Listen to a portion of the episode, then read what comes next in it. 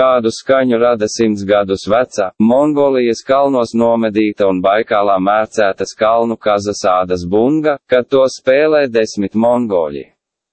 Pareizā atbilde ir nekādu, jo viņi nebija ieradušies uz mēģinājumu.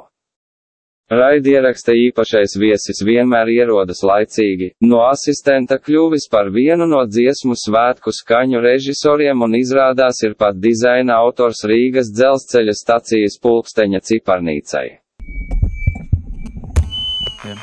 1, 2, 3. 1, 1, 1, 1, 2, 3. Ui, ko labi skan. Esam četri cilvēki sastāvā. Ir Olivers, Tārvits, skaņu režisors, un ir viesis Andris Uze. Bet es arī drīkst jautājumus uzdot, vai ne? Jā.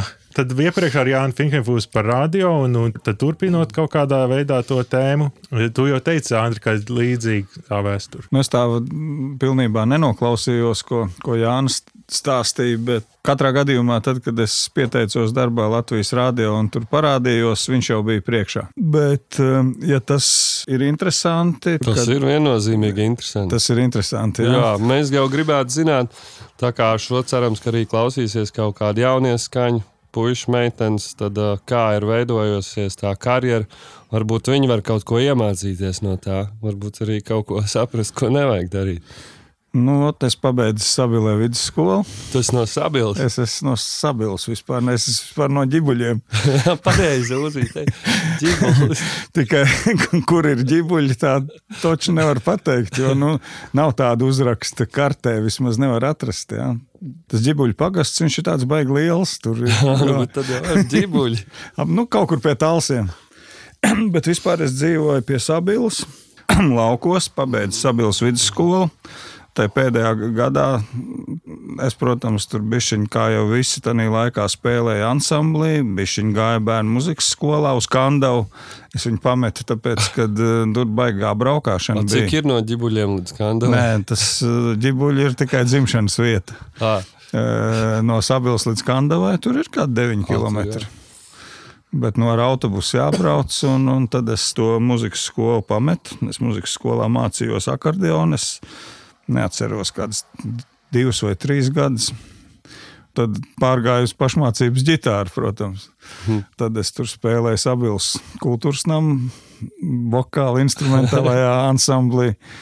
Es kaut kā tur tā, man ģitāras tā specializācija izvērtās vairāk, es pārgāju uz basu. un, un eh, es vēl atceros, ka Sabiedrības kultūras namā mums bija eh, kultūras nama mm, direktors, bija ļoti lepns, jo viņš bija dabūjis no Rīgas fil, eh, filharmonijas Paula veco beaga komplektu. Tā kā mēs spēlējām uz vecā, pa, nu, uz tā, tā komplekta, ko, kas, jā, ko Pauls, kas ir bijusi filharmonijā, uz ko Modo ir spēlējis. Liela basa tumba, tā bija tāds četru kanālu pastiprinātājs, kurā gāja iekšā gan ģitāra un tādas, tādas šauras priekšstumbiņas. Jo tur jau nu tanīs laikos bija, mikrofons bija pieslēgts priekšstumbām, nu, un kombi, kombīši kā kombīši. Man liekas, ka arī tur bija mums sintēzators, tas bija arī pieslēgts priekšstumbām, monitori nebija. Vienkārši spēlē to, ko tu dzirdi, kas skan no zāles atpakaļ. Nu, tā, tā tur bija. Tad es kaut kā sāku domāt, ka man drusku tā kā elektronika interesē. Jo tur vajadzēja kaut kādus pedāļus pašiem uztaisīt un salodēt, un kaut kas tāds. Tad es izdomāju, ka, kad, ja nemaldos, pēdējā gada laikā, kad jāiet uz Politehnisko institūtu, jo tur ir radiotehnikas fakultāte par, par tādu skaņu režiju. Es pat tajā brīdī nezināju, kas tas ir un kas tas ir vispār. Es zinu, ka tādā ansamblītī tās arī tās četras pogas, kas tur bija jāpagroza, pārsvarā es arī grozīju. Bet sākumā nē, ģitārists. Tur bija tāds augsniņš tas makšķernieks un mednieks, tas, tas šitās pogas vairāk grozīja. Jo viņš tur tieši pie tā pastiprinātāja arī stāvēja. Nu, tas tā, bet tad uz to Politehnisko, Politehnisko institūtu, protams, kad man nebija nekādas precīzas koncepcijas, ko es gribu mācīties, ko es skatījos, kur mazāks konkurss. Lai gan vispār es biju diezgan labs pēc atzīmēm, un man tur nu, nevajadzēja baidīties no tā konkursa, bet nu, vienalga es, es negāju uz to radiotehnikas, to, kas ir tie teorētiķi Tur tādā laikā viņas ar numuriem apzīmē bija 701. Un bija 705. Un tie 705. tie saucās tādi kā konstruktori. Uh mhm. -huh. Tie, nu, tur mazāk bija teorija, tur bija ķipa vairāk kaut kas praktiski jāmācās. Bet, protams, ka tam ar skaņa režiju vispār nekāda sakara nebija. Bet tā kā nu, man tā spēlēšana bija vēl palikusi Es domāju, ka man vairāk kaut kā interesē, nu, zin, kā students Rīgā, kas tad tajā laikā bija 40 rubļu stipendija. Naudiņu vajag. Es jau tur braucu paralēli spēlēt balvas uz sabilu arī, bet, bet nu, zin, kā, tur ir visu laiku izbraukāt, un tad um, domāju, ka jāpameklē kaut kāds darbs Rīgā. Un es uzreiz izdomāju, ka jāiet uz radio. Latvijas radio atradu telefona grāmatā kadru daļas numuru. Agrāk nebija personāla daļa, bija kadru daļa. Piezvanīja, pateica, kad uz puslodzi viņa students ņemot. Super. Jā, es aizgāju, tad, kad man bija nolikts tas laiks, un tur priekšā, nu, Latvijas rādio tieši tādā pat mājā, kur viņš ir tagad. Pagrabā tur bija tāds ārpus studiju pārējais iecirknis, tur man nozīmēja, tur bija priekšā Finkiņš un tāds Gunārs Silnieks. Tie man tur pirmā, pirmās reizes nu, ņēma līdzi tā kā paskatīties, ko un kā darīt. Nu, darbs bija ļoti vienkāršs. Uzlikt mikrofonus un pievienot vadus. Pārbaudīt, vai viss iet, jo tad nāca skaņa režisors, kuram obligāti vajadzēja būt konservatorijas izglītība. Tur nevarēja kurš katrs būt pa skaņa režisoru. Uh, nu, tad, tad tad, protams, kad tas, tas, ar ko nodarbojās tas ārpus studiju pārējais iecirknis, Finkiņš jau droši vien to visu stāstīja. Tur bija kaut kādi 4, 5 cilvēki un iecirkņa priekšnieks Jānis Vīģelis. Tāds, nu, tāds kompartijas veterāns, bet nu, ļoti labs onkulis. Un viņš, viņš pārsvarā sadalīja darbus un uh, gā, gāja pie priekšniecības, atskaitīties, ja kaut kur bija kaut, kas, kaut kādi brāķi vai kaut kas tamlīdzīgs. Tur kaut kas tur nenoskanēja, vai noskanēja pa klusu, vai bija foni. Un tam līdzīgi viņam bija vienmēr jāiet atskaitīties par to, kas tur ir bijis pa vainu. Nu, jā, un tad eh, tādā laikā Latvijas rādio bija vairāki tā, tā saucamie translāciju punkti. Plus vēl bija tie pie, eh, pārvietojamās studijas, jeb tie ierakstu busi. Tādā laikā tur bija, man liekas, tikai viens buss, tā vecā, vecās Skoda, kas bija līdzīga Ikarusam. Tajā laikā, kad es aizgāju strādāt, tas bija kaut kāds 1978. gads jo 77. es pabeidzu vidusskolu, uzreiz iestājos rudenī. Tanī politehniskajā, un nākošajā gadā jā, es pieteicos radio uz darbu. Tas varēja būt 108.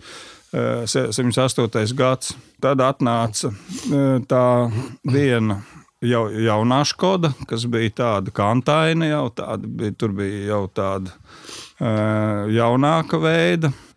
Nu, viss mikserpults bija Tesla tajā laikā. Tas bija ļoti skaidri un nepārprotami, ka mikserpults visās vietās Latvijas rādio bija Tesla. Uh, un un uh, visi magnetofoni bija uh, Ungāru STM. Un, un, un paralēli teiksim, melodijā, kas, kas bija otra vieta, kas nodarbojās ar tādiem profesionāliem skaņierakstiem. Tur atkal bija tā, ka tur bija studers. Gan magnetofoni, gan pultis. Mēs, manuprāt, prasījām jau Finkiņam, bet kam dēļ tā, ka uh, tur ir students, kas viennozīmīgi droši vien dārgāks. Jā. Un... Tā, tā ir vissavienības sadala. Tas ir, tas ir, tu varēji braukt padomu savienībā uz jebkuru republiku. Ja tā bija melodijas filiāla, tur bija Studers, no, noimaņa mikrofoni, studera pultis, studera magnetofoni.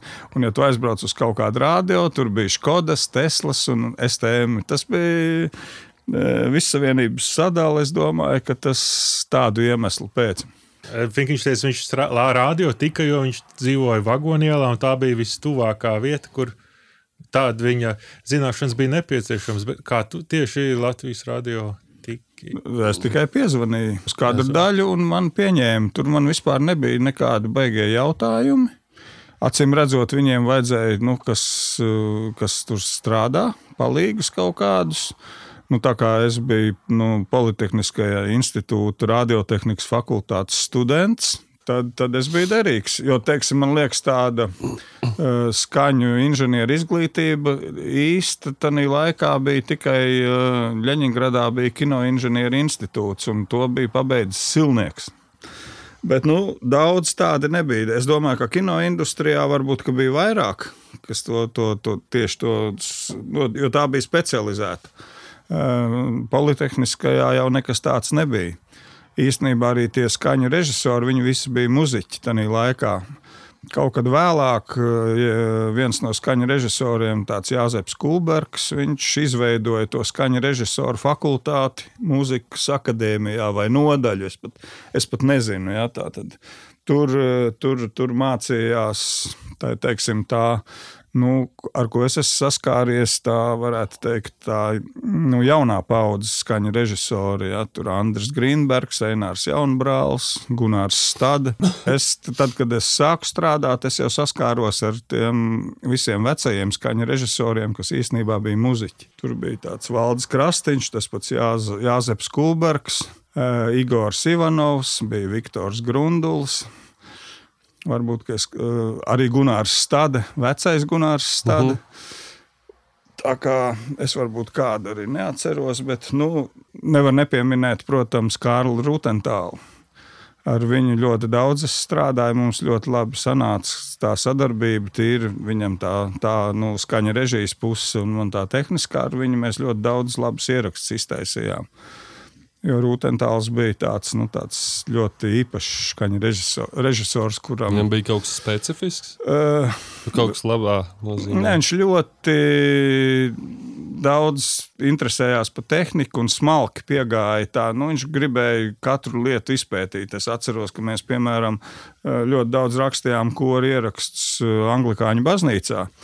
Un um, no tās mikrofona pārvietošanas tur pa dažiem metriem uz priekšu, apakaļ, baigi bija atkarīgs, kā piemēram, nu, vai vairāk vai mazāk dzird soprāna balss to detonāciju vai plīšanu, ja, tā, kas, uh -huh. kas īstenībā ir akustiski dzirdama, bet mikrofonos viņa nu, bieži vien pasvītrojās un ir daudz labāk dzirdama. Un tad mēs tur, es nezinu, cik reizes mēs tur nemēģinājām visādas eksperimentus, kamēr atradām to pareizo pozīciju, kad nu, tā vismazāk tas traucē. Es atceros, ka man ļoti kaut kā ir palicis ar viņa atmiņā viens ieraksts lielajā ģildē. Tas bija Zigmāra Liepiņa ansambļa koncerta ieraksts, kas tik, nu, toreiz nebija radio daudzkanāla. Tanīs, uh, ierakstu busos vienīgais daudzkanāls bija pirmajā studijā. Un mēs uzreiz rakstījām, nu, No gatavu, divkanāla. gatavu ierakstu. Ja, tā tad koncerta miks jau bija tas gatavs ieraksts. un Tas uh, ļoti labi viņam izdevās. Būtu interesanti vispār to ierakstu. Paklausīties. Atrast, ja viņš nav izdzēsts, ja atrast uh, fonotekā un paklausīties, kā, kā nu, ar šo, šodienas ausīm, kā viņš skanēja. Uh, Tas, ko es darīju, teiksim, paralēli, tad, kad jau nu, pagāja jau vairāk gadi, kad tādīs ierakstos jau palika interesantāk un gribēju jau nevis to, ko man parāda, bet jau kaut ko, uh, kaut ko vairāk, ja sevišķi Nu, tas gan jau vēlāk, pē- pēc eh, tam, kad es no radio aizgāju uz melodiju. Tur mēs ar Kārlu Pinu ļoti daudz eksperimentu taisījām. Mēs vienkārši eh, Kārlis atrada tādus ierakstus, nu, ārzemju ierakstus. Tur vairāk iet runa par orķestra ierakstiem. klasiskās mūzikas ierakstiem, ka, kas viņam, teiksim, pēc skanējuma ļoti patīk. Un es gāju uz valsts biblioteku, meklēt literatūru un visādus avīžu rakstus, eh, kur pa to ierakstu, nu, tie ierakstu režisori vai inženieri ir aprakstījuši, kā, kādus mikrofonus viņi likuši kādā veidā. Tad, tad es, es atradu visādus tos mm, avīžu izgriezumus, un tad mēs tur mēģinājām kaut ko līdzīgu darīt. Ļoti daudziem veciem skaņu režisoriem nezinot, jo, jo teiksim, koncerta ieraksti bija, tie bija tādi, kas. Nu, Tur, nu, kā tas skan, tas tā skan. Tur neviens skaņu režisors nevarēja neko uh, izmainīt un producēt neko ierakstu laikā. Līdz ar to, teiksim, priekš manis tie bija tādi eksperimentāli ieraksti, kā mikrofons izvietot. Ja es kaut ko salasījos literatūrā, nu, es zināju, kurš no tiem skaņu režisoriem tur viņam nebūs savs prasa. Viņam vienalga, viņš, viņš tikai sēž un samiksē to balansu. Līdz ar to tos mikrofonus es uzliku un, un pie reizes es pats klausījos. Un pie reizes es varēju paprasīt arī viņa reakciju. Nu, ko, ko viņš saka par to? Nu, tā, tā, tādā veidā. Principā viņi bija tavi studenti. nu, nē, viņi bija tā kā eksperimenta. Nu, pelīdz būtu grūti teikt, nu, bet tā kā. Ar bārdu. Es ar viņiem mm, drusciņi tā kā eksperimentēju. Dažiem bija lielāka interese, dažiem mazāka interese par to. Bet, bet nu, patika arī kaut kas kādreiz, kad tos mikrofonus lika savādāk nekā, nekā tradicionāli tas bija pieņemts. Jo sākumā bija ļoti ļoti tradicionāli pieņemts, un mm, tie skaņa režisori e, ļoti maz gāja viņus kā, kā pārvietot. pārvietot. Mēs jau zinājām, kā viņi jāuzliek. Pirms tā koncerta vai ieraksta es tur ātrāk e, atnāku, uzlieku visu. Un, Daži pat negāja paskatīties. Andru, vai var pastāstīt par vienu šādu koncertu, cik mikrofonu, kā viņu uzlikt un kas pa mikrofoniem? Kā likums bija viens kopējs mikrofons. Tas kopējs mikrofons bija viennozīmīgi AKG C422 kas ir XY mikrofons. Apvienots mikrofons Tāds kā vēl šobrīd karājās, ja?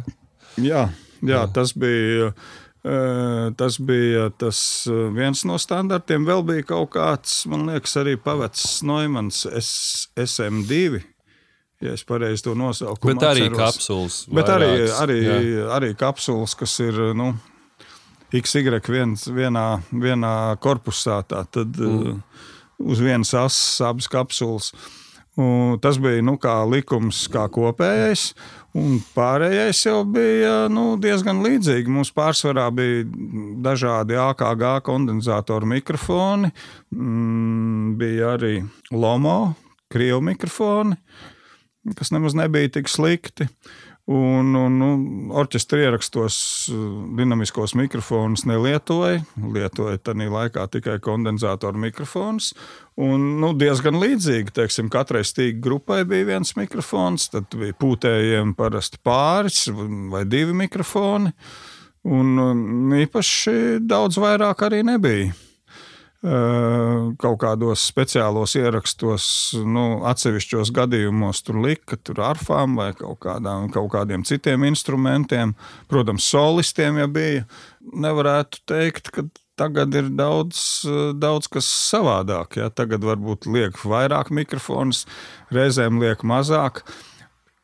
Vienbrīd bija tāda tendence, kad uh, nu, labās telpās mēģināja ar iespējami mazāku mikrofonu skaitu uh, rakstīt. Un, kad jau es biju aizracies tik tālu, kad es zināju, kas ir tā AB sistēma un kā viņi tur modificēt, ka, teiksim, simfonisko orķestru var ar pieciem mikrofoniem ierakstīt labā telpā, tad tādas eksperimentus arī taisīja. Un, un, Tas jāsaka, gan, ka tad, tad ļoti lielā mērā bija atkarīgs eh, no tā skaņa režisora, kurš rakstīja. Jo viņi diezgan neakceptēja to, ka neliek eh, tos saucamos tos mikrofonus, ja, ka tikai uzliek tādu kopēju sistēmu. Nu, bija reti, kuri to atzina. Bet eh, nu, da, dažādi jau ir. Bet tā, nu, tā tie paši pirmie ļoti vienkārši stereo mikrofons plus tuvie mikrofoni nu, katrai uh, instrumentu grupai. Kā ar kādām fāzēm to kāds uh, spētīgi? Fāze, fāzē sekoja tādā nozīmē, ka skatījās, vai stereo ieraksts ir fāzē. Jo bija ļoti. Jums stīg... jau bija korelametrs. Jā, jā tur tas go, saucamie goniometri bija. Un tā bija ļoti svarīga lieta, jo ja tas ieraksts Radio nesumējās mono. uz mono, jo jā. apraide bija mono. Līdz ar to tas ieraksts skaitījās brāķis. Un, un, un tad nu, pēc tā goniometra jau varēja arī saprast, ja kāds vats ir piemēram sal, salodēts otrādi, ja tur ir pretēji polaritāte, to vajadzēja, vajadzēja noķert. Jā, un, bet īstenībā vai nu uz auss, vai uz to skatoties uz to goniometru. Kas bija labās telpas? Uh, vispār priekš ierakstiem vislabākā telpa skaitījās Latvijas Universitātes aula. Tas bija pirms reģipša remonta. Jā, tas bija pirms reģipša remonta. Un tiešām tur tie nu, sevišķi kori bez orķestra vai ar mazu orķestra sastāvu, tie tur skanēja ļoti labi. Tad, protams, ļoti daudz izmantoja anglikāņu baznīcu, bet nu, tur bija problēmas ar ielas trokšņiem. Krastmālas mašīnas diezgan labi bija dzirdamas.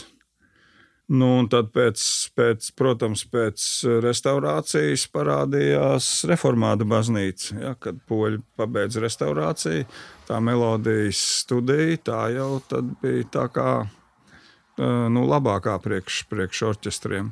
Bet, ja runā par labām telpām, tad, kad es nokļuvu pirmo reizi ārzemēs, ja nemaldos Dānijā, tur Dānijas rādio pirmajā studijā un vēl pāris koncertu zālēs, tad es sapratu, ka mums nav nevienas telpas, kas, kas kaut tuvu skanētu tik labi.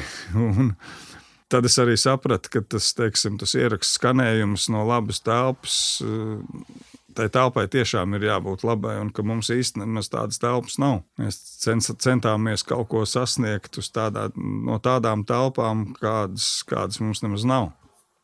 Bet nu, man tu saisties ar to, ka tu arī akadēmijā pasniedzi, tev ir labi zināšanas par akustiku, par, par mikrofoniem, par skaļruņiem.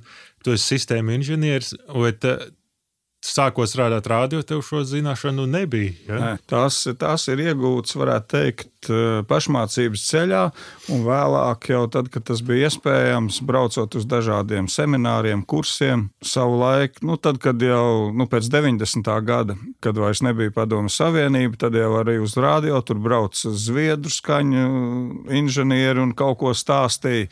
Notika tādas pieredzes apmaiņas. Nu, tas, tas, tas īstenībā tādā veidā. Jo Politehniskā institūta radiotehnikas fakultātē neviens nezina, kas ir X, Y un AB stereo mikrofonu sistēma. Tur vienkārši nav tādas specialitātes. Ja, tur OMA likuma, protams, visi zina, māca tur sarēķināt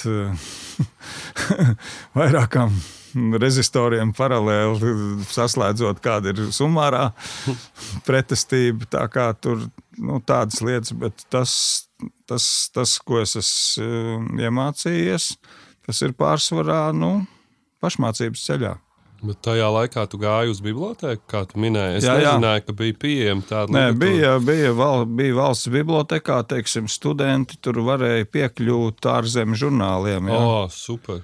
Nu, es neatceros, nu, tur nekādas speciālas atļaujas nebija, bet, ja bija studenta apliecība un pierakstījās, man liekas, ka varēja. Tur nevarēja neko nest ārā, bet uz vietas varēja skatīties. Man liekas, ka pat varēja nokopēt kaut ko. Oho. Bet ārzemē, nu, tā krievu valodā, vai ne? Nē, nē, nē, nē. tas jau bija jau. Es, es mācījos vācu valodu, tad sākumā es Es neatceros, kad es sāku angļu valodu. Tas arī ir pašmācības ceļā apgūts, bet vispār es oficiāli mācījos vācu valodu. Vācu valodā es vispār varēju lasīt, un es Ton, sapratu, tonu mākslinieks, ja? Kā jā, jā, tonmaister. Un tad paralēli šim tu vēl brauc uz Sabilie spēlēt grupiņā. Tā, nē, tas, tas, tas, tas, tas kaut kad pārtrūka. À, tas pārtrūka arī ļoti interesantā veidā. Es vienkārši vienā brīdī sapratu, ka man ir vairāk jākoncentrējās uz to skaņas inženieriju, nevis uz spēlēšanu. Un, Un, un to es sapratu vienā pasākumā, reformāta, nevis reformāta, bet Anglikāņu baznīcas. Tajā laikā bija studentu klubs Politehniskā institūta, un tur notika visādas diskotekas un ballītes. Un, un tādā vienā ballītē tur bija nu, tas. Uh, Es tam spēlējot to basu, biju nokļuvis līdz tā sauktējam inversijas otrajam sastāvam. Tur bija es, Valts Pūce. Es vairs nebiju tāds Ēriks Kupčs, ģitārists, kurš, starp citu, es nesen atradu Facebookā, ka viņš ir nu, zinātnieks. Viņš jau tajā laikā bija zinātniskais līdzstrādnieks kaut kādā ķīmijas fakultātē, un viņš, man liekas, jau diezgan Eh, diezgan ātri aizbrauca uz Angliju un, un nu, pa zinātnes līniju izvirzījās. Uh mhm. -huh. Tā kā bundzinieku vārdus vairs neatceros, bet mēs nospēlējām vienu tādu, tādu balli tur ar tādu tā kā mazu koncertiņu, un tad es sapratu, ka es šitai jomā nevelku. Man paškritika pateica, ka ok, šitai lietai jāmet miers un jā, jāturpina likt mikrofonus un tīt vadus. Un, un tas, nu, tas varētu būt, nu, es domāju, kādā 80. jau šitam spēlēšanai met mieru. Varbūt, ka uz to sabili es vēl tur braucu, iespēju robežās. Jo, jo es, es pat atceros, agrāk bija tādas rajona skates Un tā nu, tarifikācija. Tur nevarēja, ansamblis nevarēja spēlēt balli, ja viņš nebija izgājis tarifikāciju. Un tad tur bija, à, nu, man jau bija vēl viens paralēlais ansamblis, arī Sabilē Somdars. Sabilē bija Somdara filiāla, un tur bija Somdara kultūras nams. Sabilē bija divi kultūras nami, bija pilsētas kultūras nams wow. un Somdara kultūras nams. Un abos bija ansambļi. Un, un, un es abos spēlēju, un tad, tad, tad, uh, bija tā tarifikācija tā kā pa zonām, un tā zona bija tukumā. Tad es atceros, ka mēs aizbraucām uz to tukumu. Nu, es jau tādā sabilēs skaitījos labs basists. Un es aizbraucu tur, un tur, un tur bija. Nu, tad viņi vēl nesaucās eh, Sīpola. Tas bija Tukuma kultūras nama vokāla instrumentālais ansamblis. Tur eh, Niks, Niks. Niks spēlēja Bas. basu, Šmitbergs bija pianists. Eh, nu, vairāk es arī neatceros. Un tad es, es atceros, kad man bija tāda paštaisīta basa tumba, kurā bija bija tāda AS35 tumba, nu, radiotehnikas. Un tur bija tāds skaļrunis iekšā, diezgan smags, mm, tāds gumijnieks. Un uh, man viens sabils televīzijas meistars bija uztaisījis tumbu, pats basa tumbu.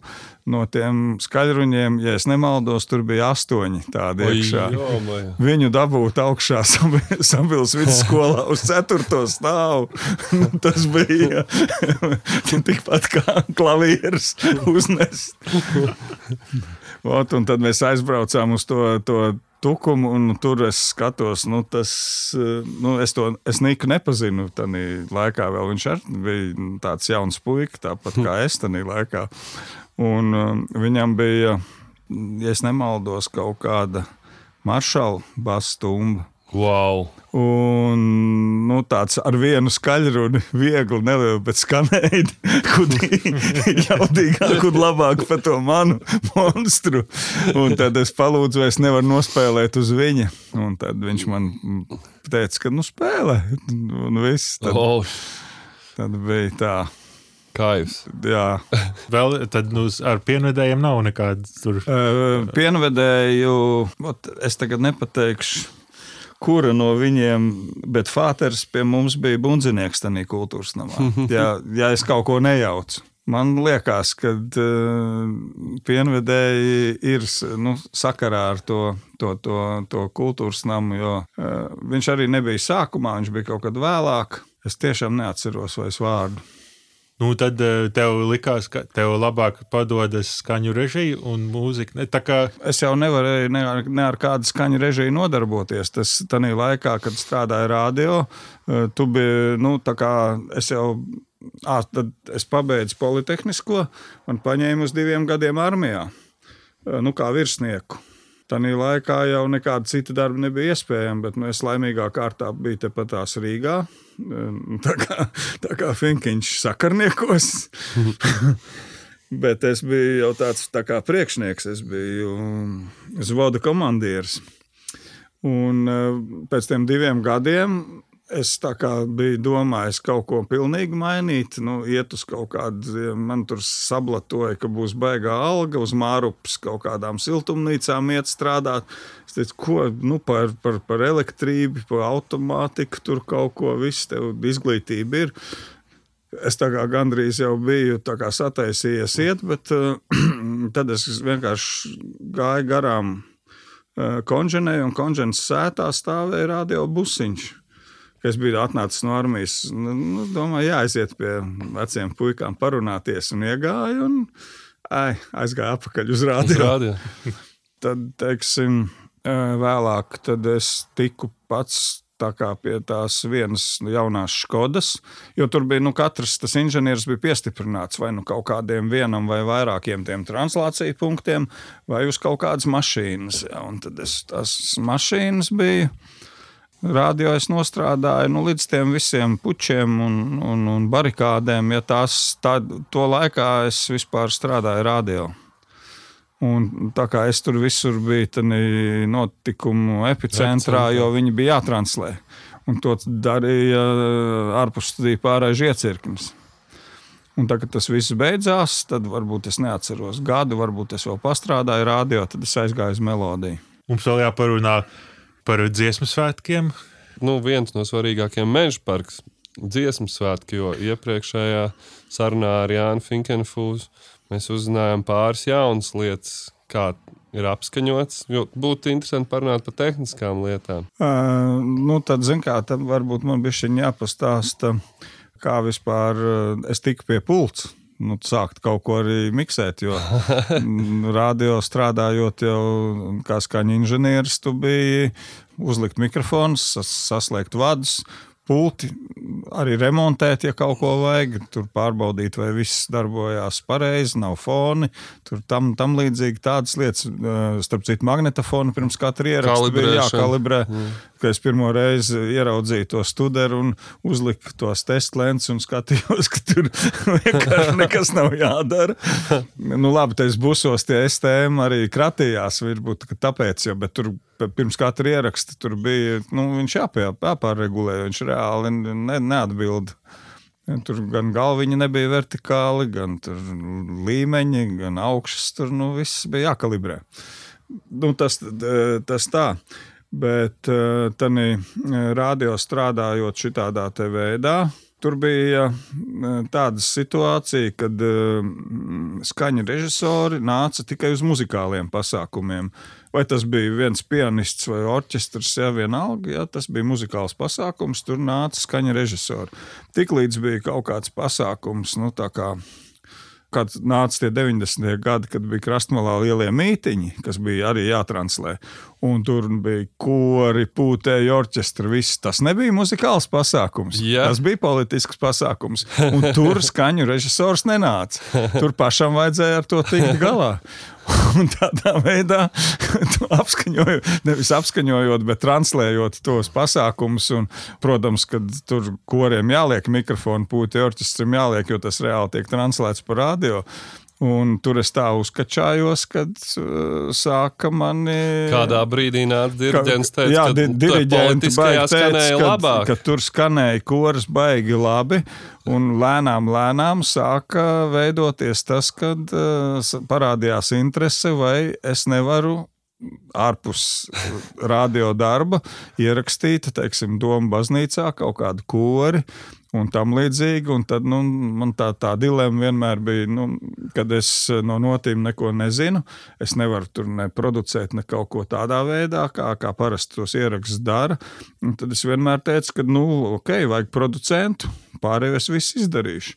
Uh mhm. -huh. Un tad, tad, tad tur man sevišķi Eh, Sigvards Kasparu, kad viņi nokļuva radio korī par abi pa diriģentiem. Tad viņi tā arī darīja. Viens diriģēja, otrs sēdēja man blakām un to skaņu taisīja es. Nu, diezgan daudziem ierakstiem. Kaspars? Eh, eh, Kaspars Putniņš. Nu, nu, tādā veidā, un, jo, jo radio es domāju, ka es jau arī šobrīd man es, radio nevarētu pieņemt par skaņu režisoru, jo man nav izglītības muzikālās. Gan jau mūsdienās viss ir mainījies. Varbūt, bet es, ne, es par to nedomāju. Tieši tā. nu, jā, un tādā veidā es īsti nevaru pateikt, kad es teiksim, sāku apskaņošanā eh, darboties pie pults. Man kaut kādas tādas atmiņā ir, manuprāt, inversijas kaut kāds koncerts Universitātes aulā kur es vienkārši, es nezinu, vai tas bija jātranslē vai nē, bet es viņu kaut kā ierakstīju, un tur nebija skaņa režisors, un, un viņi paklausījās, un viņiem Akceptēja. patika, un kaut kā sāka runāt par to, bet uh, O, tas ir tā, tā man bija tāda mistika, kurā brīdī man sāk aicināt, piemēram, Edmunds Zazerskis eh, uz saviem pasākumiem apskaņot. Tad tur kāpostiņš uzrādījās vēlāk. Bet kas, bet, piemēram, Edmundam Zazerskim bija vēl par alternatīvām? Nu, ja jo pie Latvijas... viņa darbā es nekad neesmu strādājis. Es nevienā apskaņošanas firmā neesmu oficiāli strādājis darbā. Man ir, tad, kad es strādāju radio, man ir sākuši aicināt uz koncertu, apskaņot koncertus. Pamazām kaut kā, bet kā tas ir un kāpēc, to, hm. to es nemāku pat pateikt. Tad tas varētu būt jautājums nākamajiem kolēģiem. Andru, mēs katram uzdosim atslēgas jautājumu, ko ir apskaņojis pirmais Andris Uze. Jā, tas, tas droši vien man, man, man tas būtu interesanti. Tiksim, jo jo to, to var prasīt droši vien varbūt Edmundam Zazerskim, bet es nedomāju, ka tā ir pirmā vieta. Jo Edmunds jau, viņš jau sāk ņemt tad, kad tu jau kotējies. Un, un nevar būt, ka es uzreiz tā kā pie viņa. Kaut kas ir bijis cits. Es tikai Bet uh, nu, tas Edmunds jau arī vēlāk, vai ne? Mums jau vēl ir. Asto, Finkiņš teica, 84. gadā bija pirmie viņam dziesmas svētki, kur viņš strādāja. Ui, neatceros. No 80. gados, un tā, nu, tie arī bija viena no pirmajām. Nē, noteikti, kad es tur esmu strādājis, jā, un nu, es baigi neatceros tos. Pa apskaņošanu es vispār tajā laikā neko neatceros, bet no radio viedokļa Tur bija labākā gadījumā kaut kādi divi vai četri mikrofoni uz uh, kopu kori. Tas droši vien visticamāk kaut kāds stereo pāris, kaut kādiem pieteicējiem kaut kas tur atdalīts.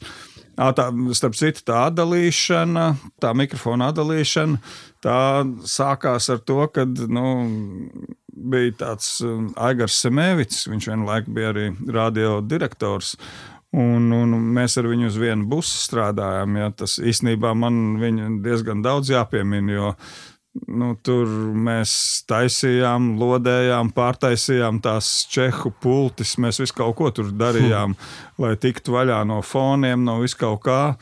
Un, un arī mēs uztaisījām tādu mikrofonu splitteri ja, ar rezistoru palīdzību. Tur vienkārši kā atdalīt divus mikrofonus, lai viens iet uz apskaņošanu, otrs uz ierakstu, jo mums vajadzēja tos rakstīt. Un tad tādi rūpnieciskie splitteri vēl nebija apskaņotājiem. Tad mēs paši nācām ar tiem splitteriem, un mēs to darījām. Nevis tā kā tagad, kad apskaņotāji uzliek splitteru un tur nu, atbrauc radio un pieslēdzās.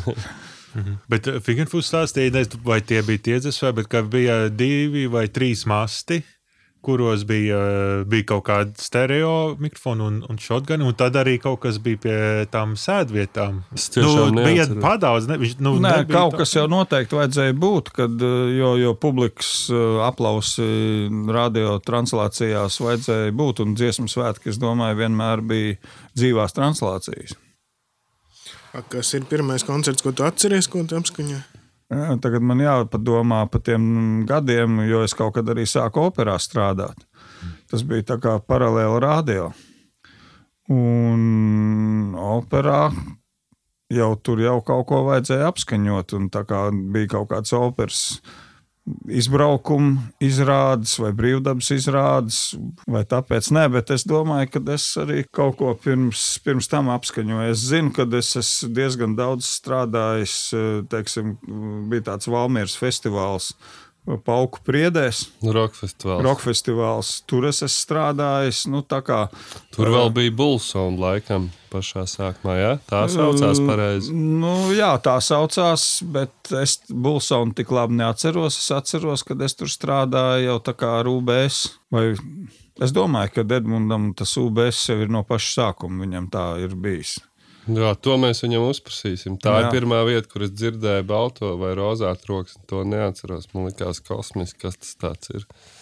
Bet tad, jā, pa- pareizi to par operu arī stāstījis. Eh, Tad nu, tu strādā radio un paralēli. Tur varēja ap, apvienot, jo operā jau nav katru dienu jābūt. uh, Bet tad jāpaskatās ir uh, pa gadiem, jo es domāju, ka operā, ja nemaldos, es no kaut kā 96. gada sāku strādāt, un tas bija paralēli ar melodiju, nevis ar radio.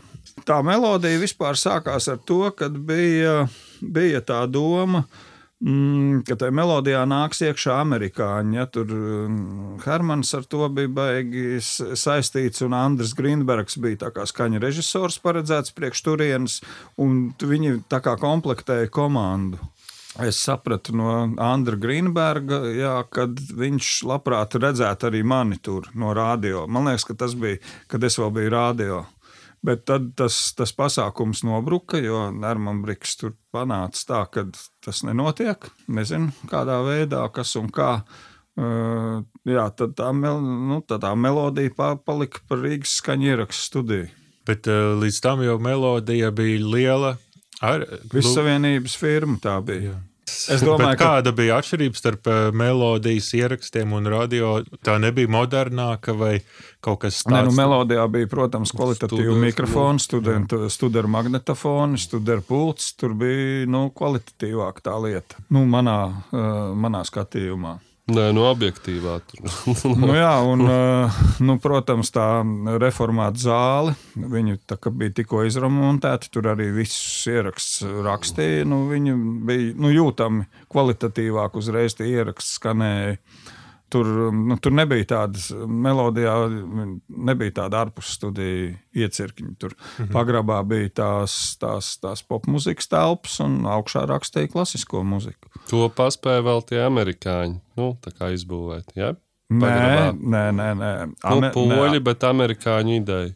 Nē, ideja viss ir poļi. Amerikāņi ieraudzīja to, kas ir, un viņiem, viņi redzēja, ka te uz vietas ir labi muzikanti. Viss viņu, viņi gribēja nu, vienkārši to studiju paņemt sev. Savā paspārnē. Nu, savā kaut paspārnē, jā. jā. Tāpēc, tāpēc tā bija tā pretestība no Ermāna Brika, jo nu, tad, nu, viņš tur sk- skaidrs, viņš tur vairs nebūtu vajadzīgs. Jā.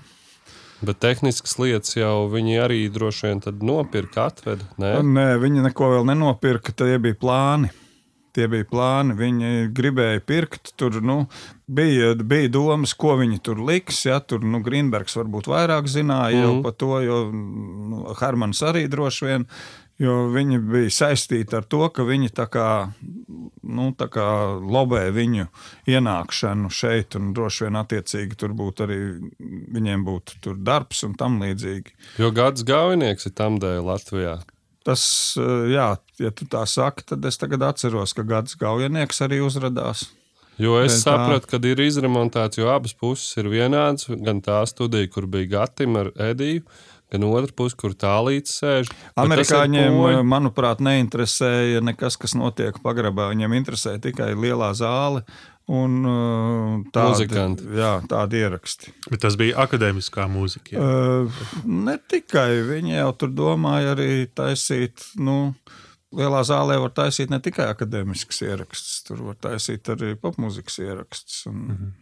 Nu, tad tur redz to, ka tur viss tādas interesantas lietas notiek, tad tu tur Nē, nu, vien, nē, tur, bija, tur bija ļoti vienkārši. Nu, es no rādio gāju projām. Man jau bija sarunāts iet uz melodiju, jo es pazinu Vilnu, es pazinu Armānu Briku. Pinni, nu, viņiem vajadzēja cilvēku. Nu, Kāpēc tu no radio ej prom? Tāpēc viņš pats likvidēja, Likvidēja, savu, savu iecirkni. nu, jā, man, es, es ļoti precīzi neatcerēšos, bet manuprāt, tas, tā doma bija, tad, ka es iešu uz melodiju, jo man vairāk interesē. Jo tur nu, Tu varētu būt skaņu režija, Nu, jā. tur, eh, nu, tur, tur kvalitatīvāk. Jā. Nu, tad, tā kā, Tā kā tas man būtu nu, tā kā izaugsmē lēciens uz turieni.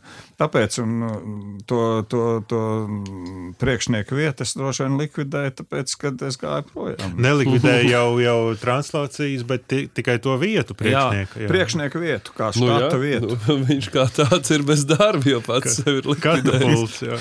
nu, sev Bet pretējā polaritātē. pirmajā studijā tur neko nerakstīja, jo tu biji tikai uz izbraukumu. nē. Viņam nebija diploma. Jā, jā. Es, nē, es biju tikai ciemiņš tur. Jā. Man ir bijuši ieraksti pēc tam, kad es uh, nestrādāju ne radio, ne melodijā. Bet, bet kad es strādāju radio, es tur tikai nu, varēju, es tur iegāju. Pazinu tos cilvēkus, paskatījos uz nīvi.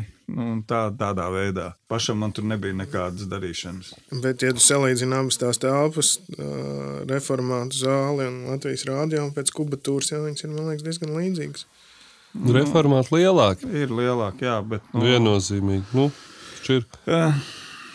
Bet tur taču ir tik daudz vēl lietas. Labi, Nu, tā, ir, nu, tā ir tāda slidena lieta, bet man ļoti patika tā filmā par uh, Latvijas rādio pirmo studiju, tajā dokumentālajā, kur uh, Valdis Krastīņš, tā- tāds gados skaņa režisors, kurš tajā laikā, kad es sāku strādāt radio, viņš bija, nu, var teikt, tā, abi divi ar Kulbergu, vienu no tiem, kas rakstīja klasiskās mūzikas ierakstus un producēja arī viņus.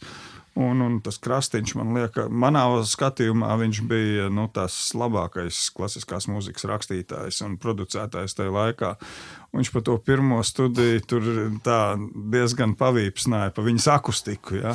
Ko visi pārējie tur neskapēc slavēja, un es kaut kā baigi mm, vairāk piekrītu tam uh, valda krastiņa viedoklim. Jo man tā akustika nekad nav likusies forša. Nu, no melodijas laikiem, tad, ko tu atceries, kāds, tad tur jau tu pie pults kā ieraksts. Nē, nē, nē. vai Arī as, Nē, nē, tur, tur, nē, tur es. Um, tad es tiku pie pults, vot, rakstīt tādus ierakstus, kurus uh, jau privātā veidā uh, tika sarunāti. Ja, kas, kas, teiksim, uh, īrēja telpas, uh, nācis kolektīvs.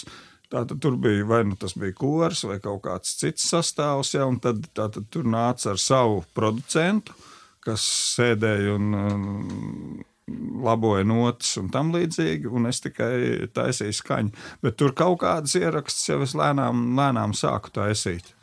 Bet tie, kas bija melodijas ieraksti, tos darīja Pins viennozīmīgi. Un Tajos juku laikos nu, sākās kapitālisms, privātais bizness. Kam vajag kaut ko ierakstīt 90. gados, 91. gadā? Baigi 92. daudz tur bija. nāca. Tur aves soli rakstījās. Kokari, kokari kaut kā bija uh, atraduši, kad uh, Skuruls ir baigi labais skaņa režisors.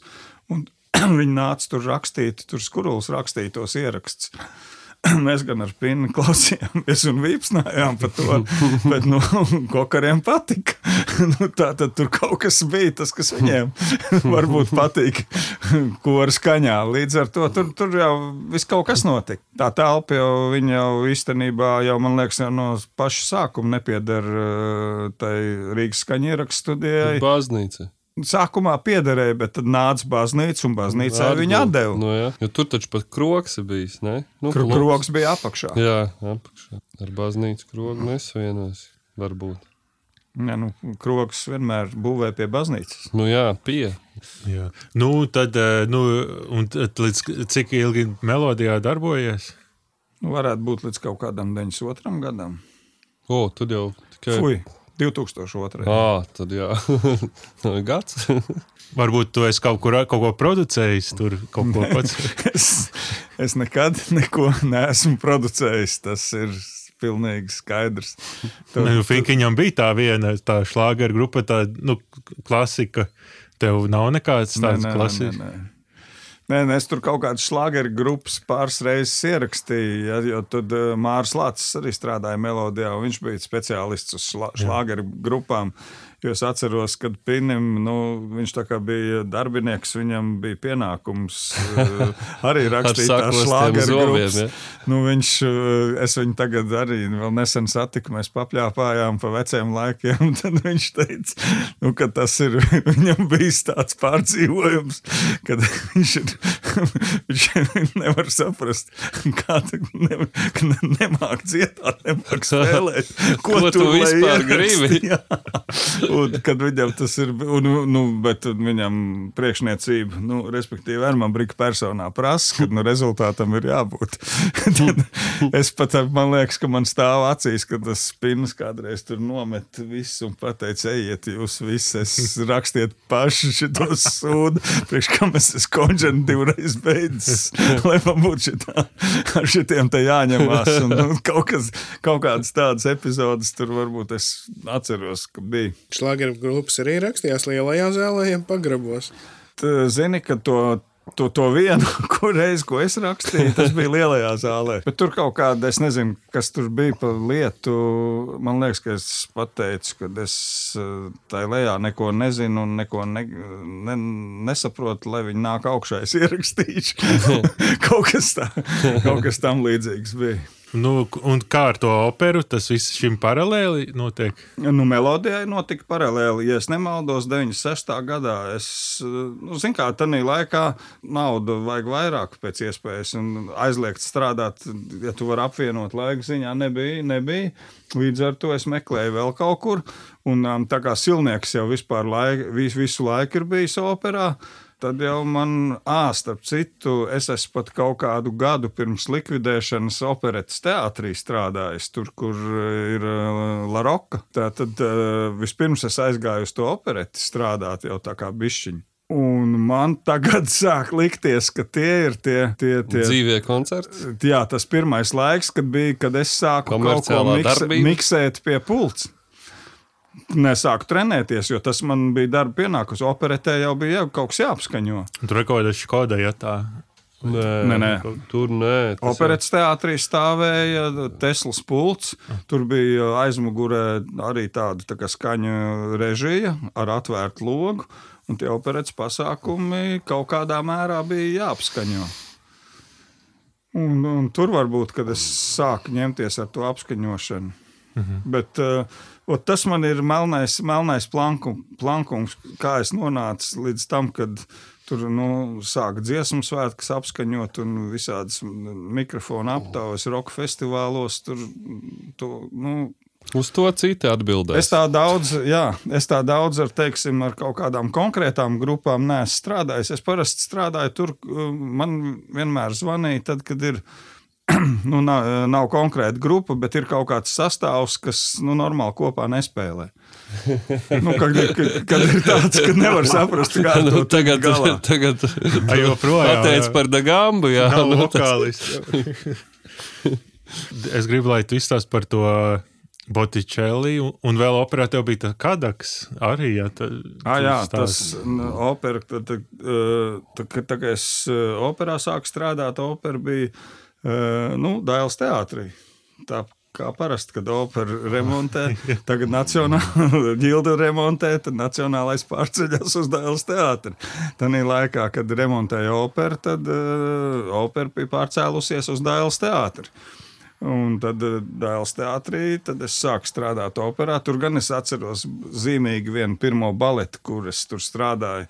Un tur man um, um, tur jau bija priekšā Normons Saksons.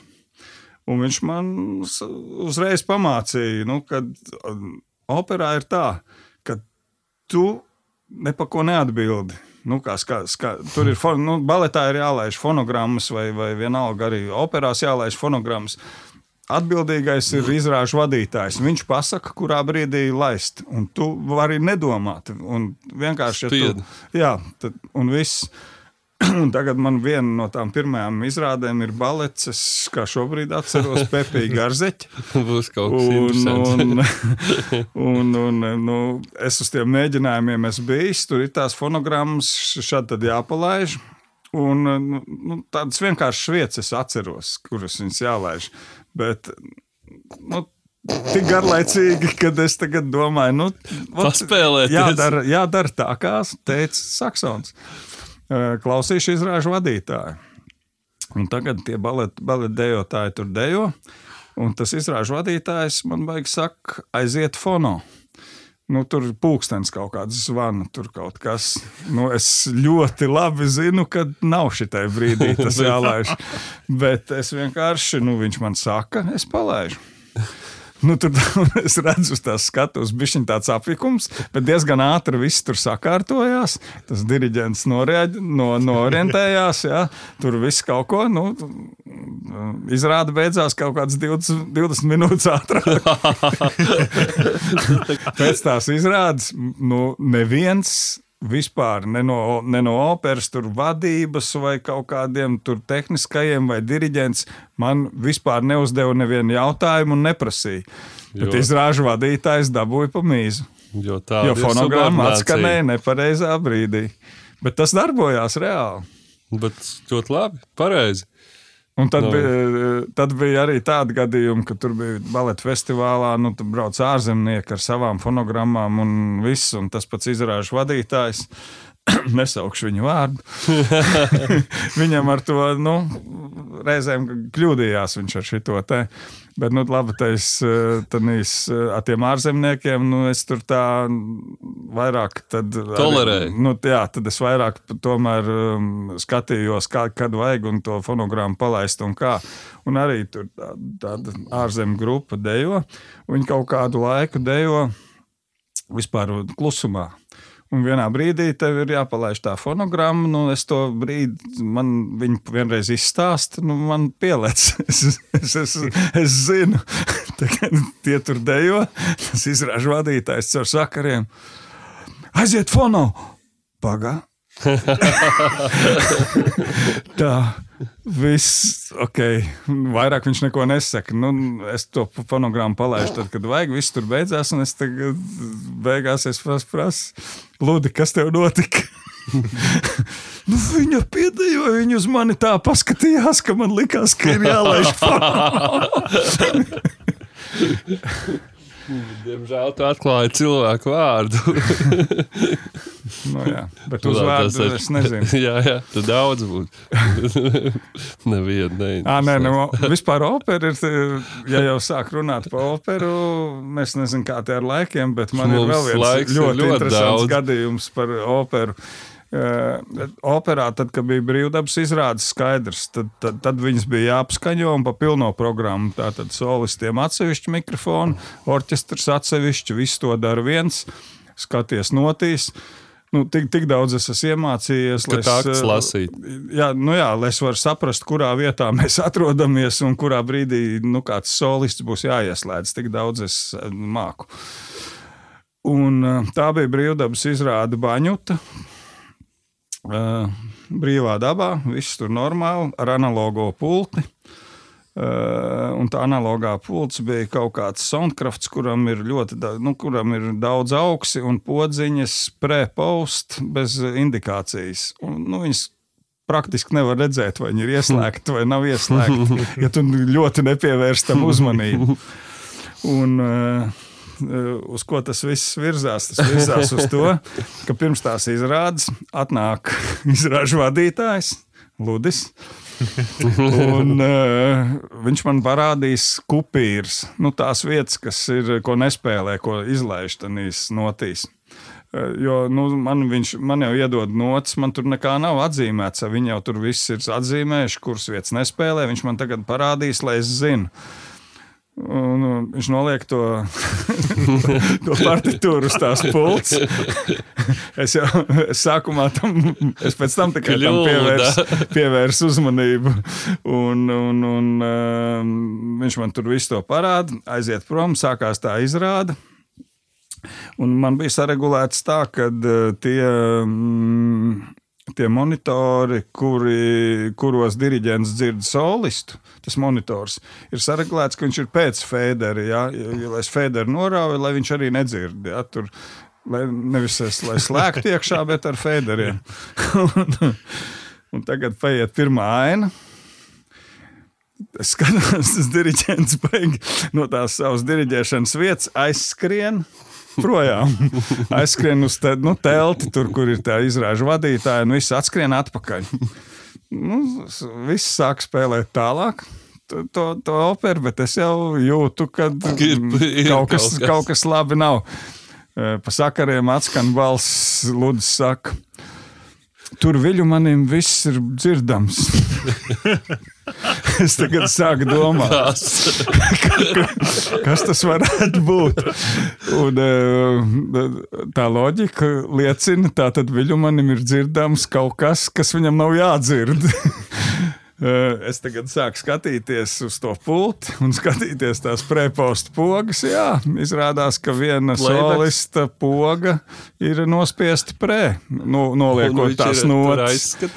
viņš aizskatuvē tur iedziedās kaut ko. Un, protams, ka diriģenta monitorā viņš ir dzirdams, bet brīvā dabā es esmu tik tālu, es to nedzirdu. bet iedomājieties to diriģentu, ka viņš diriģē tur viens kaut ko iedziedās. tas paskaidrojums man vislabāk patika. Viņu manim viss ir dzirdams. Angļu stilā. Jā, jo viņš nezina, kā man ko pateikt, jā, ka, kas tas īsti ir. Un tu, man patīk tavs stāsts, un kas tur bija tas ģen, par ģeneratoru un, un Botticelli vai kaut kas Jā, tāds. nē, tas, nē, tas bija. Bocelli. Tas, Bocelli. tas bija Bočelī. Jā, tur tajā laikā bija diezgan bieži raideros prasība, ka vajadzīgs ir SIM analizators ar operatoru. Nu, lai tās lielās sistēmas regulētu tādas nu, kaut kādām lielām grupām un sastāviem, vienlaikus tas bija diezgan modē. Un šis bija arī tam Bočēlī, lai gan viņi visi strādāja uz elakustiku, viņi vienalga prasīja to analizatoru un operatoru, kas, lai saregulētu sistēmu. Tā kā man vienīgajam tāds bija, tad mani noalgoja ar viņiem kaut kādas trīs laikam koncertus eh, Varšavā, eh, Viļņā un Rīgā šito lietu padarīt. Un, te, un te Varšavā bija tā, ka viņi atbrauc, atbrauc tur papildus kaut kam vajadzīgs ir vēl eh, elektrības jauda, atveda ģeneratoru un nu, tie, tie itāļi prasa, kā tev liekas, ka, kur lai viņi noliek tā, lai mazāk dzirdētu.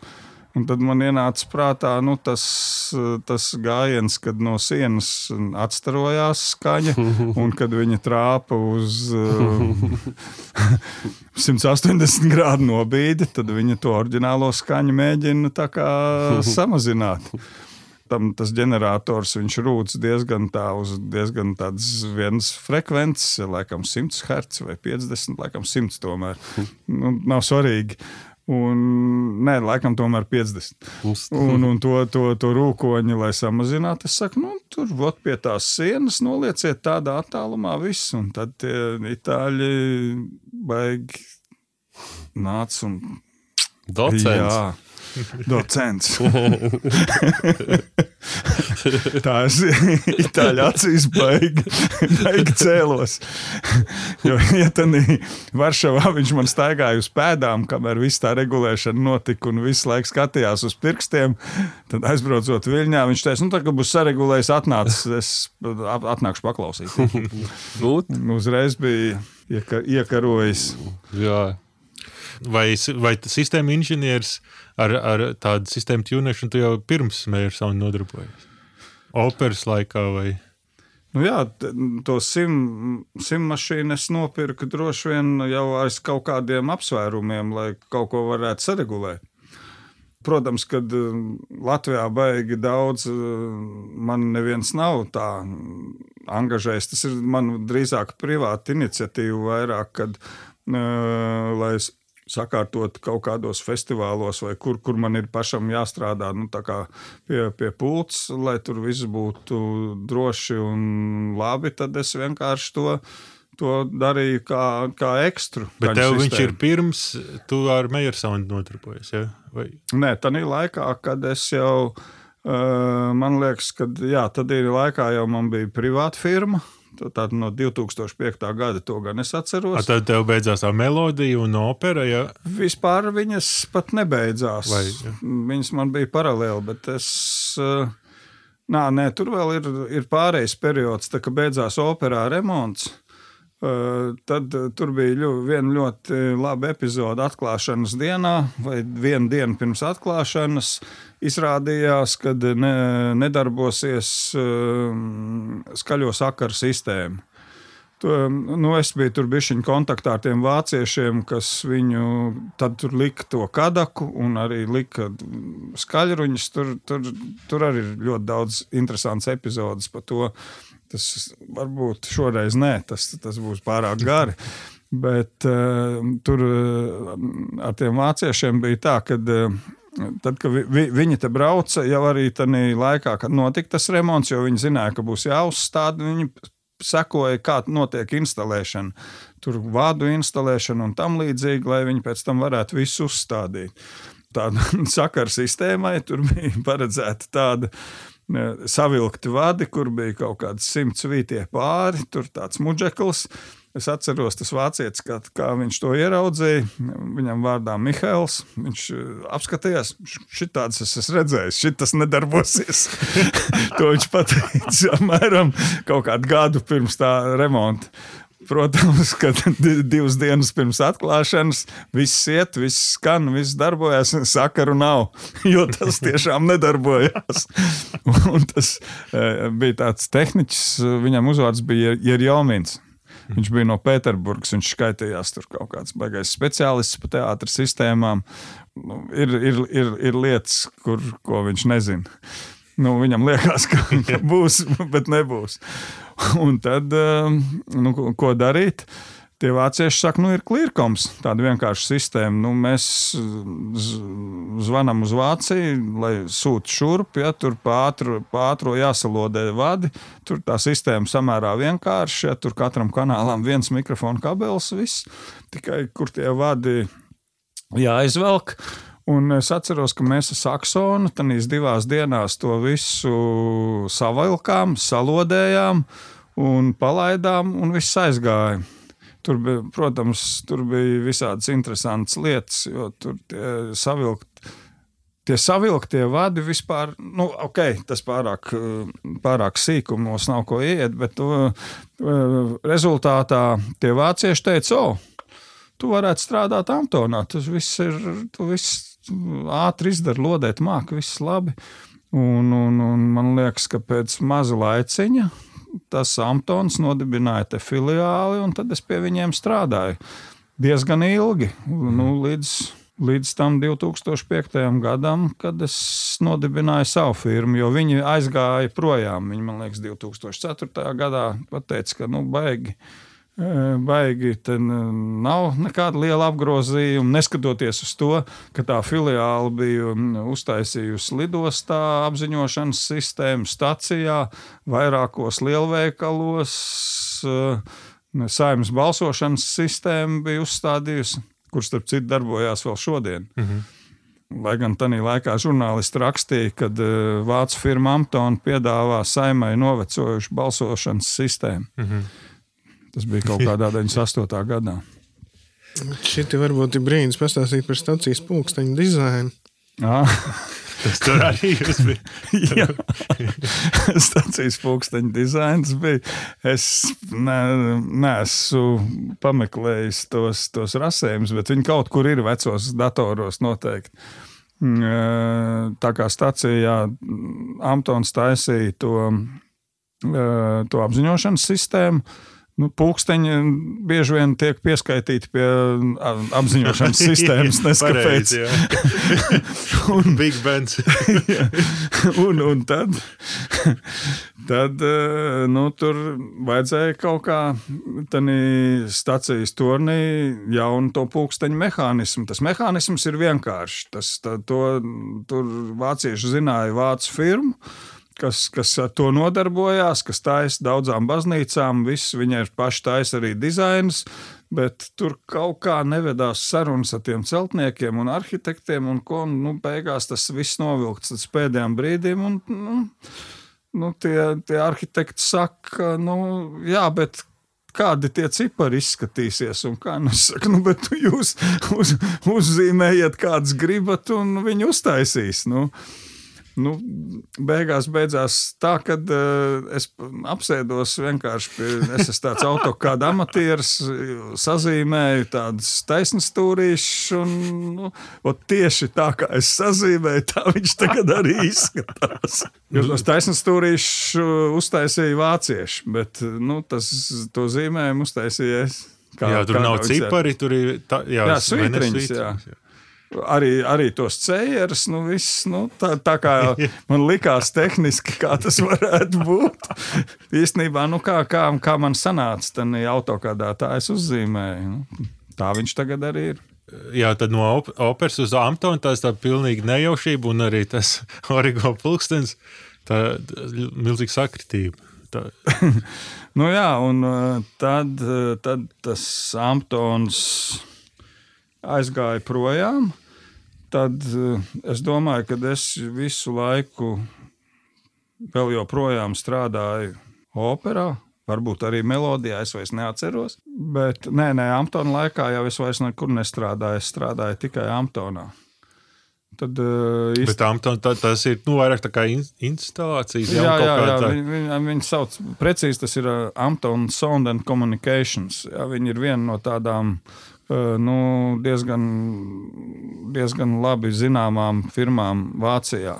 Mhm. Ar dažādām filiālēm. Ja es nezinu, kas tagad tur notiek, jo es neesmu tagad interesējies, bet nu, savā laikā viņi bija tādi vieni no vadošajiem Vācijā, jo viņi mācīja atrisināt problēmas, kur, kuras uh, rodās citiem. Uh, Mhm. Es pat zinu, ka pēdējais tas, ko viņi Hamburgas uh, operetes teātrī, kur uh, Meiersons lika, uh, pie, nu, pārdeva Constellation iekārtu. Tur tā firma, kas, eh, kurai bija jāuzstāda, paziņoja, ka viņi netiek galā, viņi nevar to uztaisīt. Tad Amtons, man liekas, tur dažu nedēļu laikā visu tur sainstalēja un salika un atrisināja to problēmu. Mm. Tā, nē, nu, viņi tāda, tāda bija.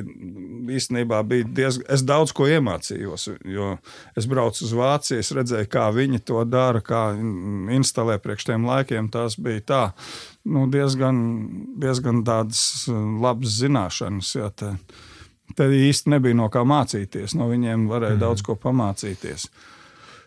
Un tad pa vidu, à, pa vidu mēs ar Eināru Jaunbrāli uzbūvējām Sound Division studiju. Kad uh, Antons aiztaisījās ah, ciet. Jā, jo, jo Sound Division kaut kā 8, 9 gads, kurā gadā viņa? Nē, es domāju, ka uh, kad kaut kā tā 2004. varētu būt, jo es 2005. nodibināju savu, tātad 2002. 3. gads varētu mm. būt Sound Division. O, tad 20 gadi.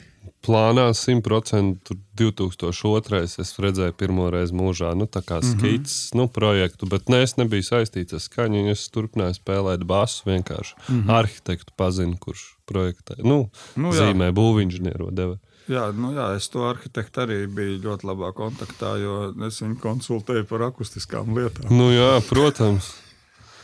Kas nu, Sound Division nu, tā, arī tā, tāds veiksmes stāsts, ne? Nu, vairāk, jā. vai mazāk, ne? Ja, ja es par to stāstu, tad jau tas nav tas, tad, tad, tad ir ar ko palielīties. Un eh, tad uh, Meiersons jau kaut kādā brīdī. Tas Meiersons jau kaut kur viņš tur visu laiku bija, jo, jo man personīgi tas saistās ar to, ka tad, kad es strādāju Amptona filiālē, vai varbūt arī tā vēl nebija filiāle Mēs dažus projektus priekš Latvijas televīzijas arī uztaisījām. Starp, starp citu, vienā, eh, vienā televīzijas pārvietojumā busā bija kadaks instalēts. Eh, un, eh, un tādā laikā, kad to busu, vienu busu būvēja Amptons Hamburgā, bet ne to, man liekas, pirms tā viena busu. Uh, tur bija arī jā, a, tā. tā analogā pults, kas ir digitāli vadām. Jā, tur bija tāda pults. To, to, to busu būvēja Amtons Hamburgā. Un mēs tur braucām šad tad, nu, kaut ko paskatīties, cik tālu ir un kā tur iet kopā ar televīzijas cilvēkiem. Un to vienreiz, kad mēs aizbraucām, es atceros, ka tas Mihāls man visu laiku teica, ka, nu, ir tādas, mēs par skaņu vienmēr, nu, visas sarunas ir par skaņu. Tad, vien, kad dzer alu vai vienalga ko, par, izrunā pa visu kaut ko. Un kaut kā man bija aizķēries tas, ka viņš teica, ka ir tādas stumbas mērs un ļoti labas. Un tad eh, te vienā reizē, kad mēs tur aizbraucām, es teicu, nu, tev ir kādas tās mērs un tumbas tev uz vietas noliktavā. Jā, viņš saka, kaut kas ir, izliksim pagalmā vienu, uzliksim tur. Būvējam autobusu durīs, uzlikām MSL 4 tumbu, viņam Oho. bija viena. Uzlikām to, palaidām to.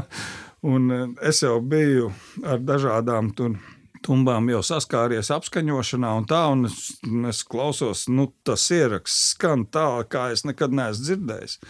Tas ir tāds, var teikt, ka nu, man bija pārsteigums, ka tik labi, nekā, ne, nekas negrozīta tumba, var tā skanēt, un viss. Un tad es sāku tam, tam pievērst uzmanību, jo man likās, ka, ja tu kaut kur Tu nevari, tas man vispār nostiprinājās ar laiku, jo es piedalījos tur dažādos šitanīs te, mm, Testos? nu, tā kā sacensībās vai testos, salīdzināšanā, viss. Un tur nu, daudz tie dalībnieki, kas bija klāt, to skaļi neteica, bet nu, tāpat tās pēc acīm varēja pateikt, ka, ar to mēģinājumu viss, viss ir kārtībā. Un, un, un tā līdz ar to man radās pārliecība, ka, ja to kaut kur teiksim, piedāvā vai uzliek, nekad nebūs sūdzību, ka tur viss būs vienmēr kārtībā. Tas jau ir tāda liela vai ne MSL. MSL 4 ir liela, jā, Jā, tur gan ir tāds tikai milz. tur ir liels rupors, Rupors un arī milzīgi. 12 solīgais ar tādu, tādu tā kā uzmauvu virsū un arī rupors. Un viņa ir šaura pārvilkt. Jā, jā, jā. Jā, jā, Nē, nu, ir versijas, versijas. Jā. Nu, spalvainā tumba, Jā, jā, bet spalvainā tiešām ir tumba. tāda, kad viņi izdzird, tas, nu, tā kā. Ah, un par to, ka tas viss darbojās, eh, mēs diezgan labi pārliecinājāmies. eh, eh, Tas bija kurš gads, 2002, manuprāt, kad bija Rīgai 800. Jo krastmalā um, Edmunds Zazerskis bija samanģējis um, ļoti daudz mērs un tumbas. Tur sākumā plānojās ir tāda MSL 5, kas ir nu, tāda, ne, MSL 10, kas ir apmēram tik liela kā tā durvju aila. Tā- Tādas no veciem laikiem. Bet, nu, tādā laikā bija eh, savestas tās MSL 4 ļoti daudz. Tur bija klasteri pie eh, Vanšu tilta. Tur, kur tagad ir uh, Svetbanka, tad ielokā bija ļoti liels klasteris uzkārts vienai zonai. Krastmalā bija, man liekas, kādi 16. Tā, tādas krāvumi ar to, un, un, un nu, nu, nu, ļoti daudz viss. Un tā priekšuguņošanas, mūzikas atskaņošanas, tas viss bija. Un, nu, tas viss baigi dar, labi darbojās. līdz ar to Bet uh, mums jāsavieno ar Finkiņu stāstu, kad viņš, viņš teica, tu viņam ieteici elakustiku. Uh, Nu, kāds, ko tu kaut kāda ar Eirovīziju bija saistība, ja? Uh, nē, nē, tas bija saistība. Skonto. Uh, Bija tā, ka tajā laikā mm, man tagad tad man jāpaskatās kaut kādos ekseļos, uh, lai precīzi pateiktu, vai tad jau man bija sava firma, vai tajā laikā tas vēl bija Am- Amptona ietvaros. Amptona ietvaros nevarētu būt, jo Amptona, Amptona ietvaros ar Mērsonu nebija problēma. Bija kaut kāda pārēj, pārējais laiks, kad uh, Amptons vairs nebija, un mana firma arī vēl nebija. Un, uh, līdz ar to uh, bija skonto, uh, skonto tādā halē, bija jāuzliek apskaņošanas sistēma. Es nezinu, kāpēc. Varbūt, ka mērķis bija par dārgu vai kas, bet uh, es izvēlējos, ka tur baigi labi der elakustika. Tādas simtgrādīgas, koaxiālas, 12 solīgas stumbas. Un viņas tādas 12 gabalus tur ieinstalēja.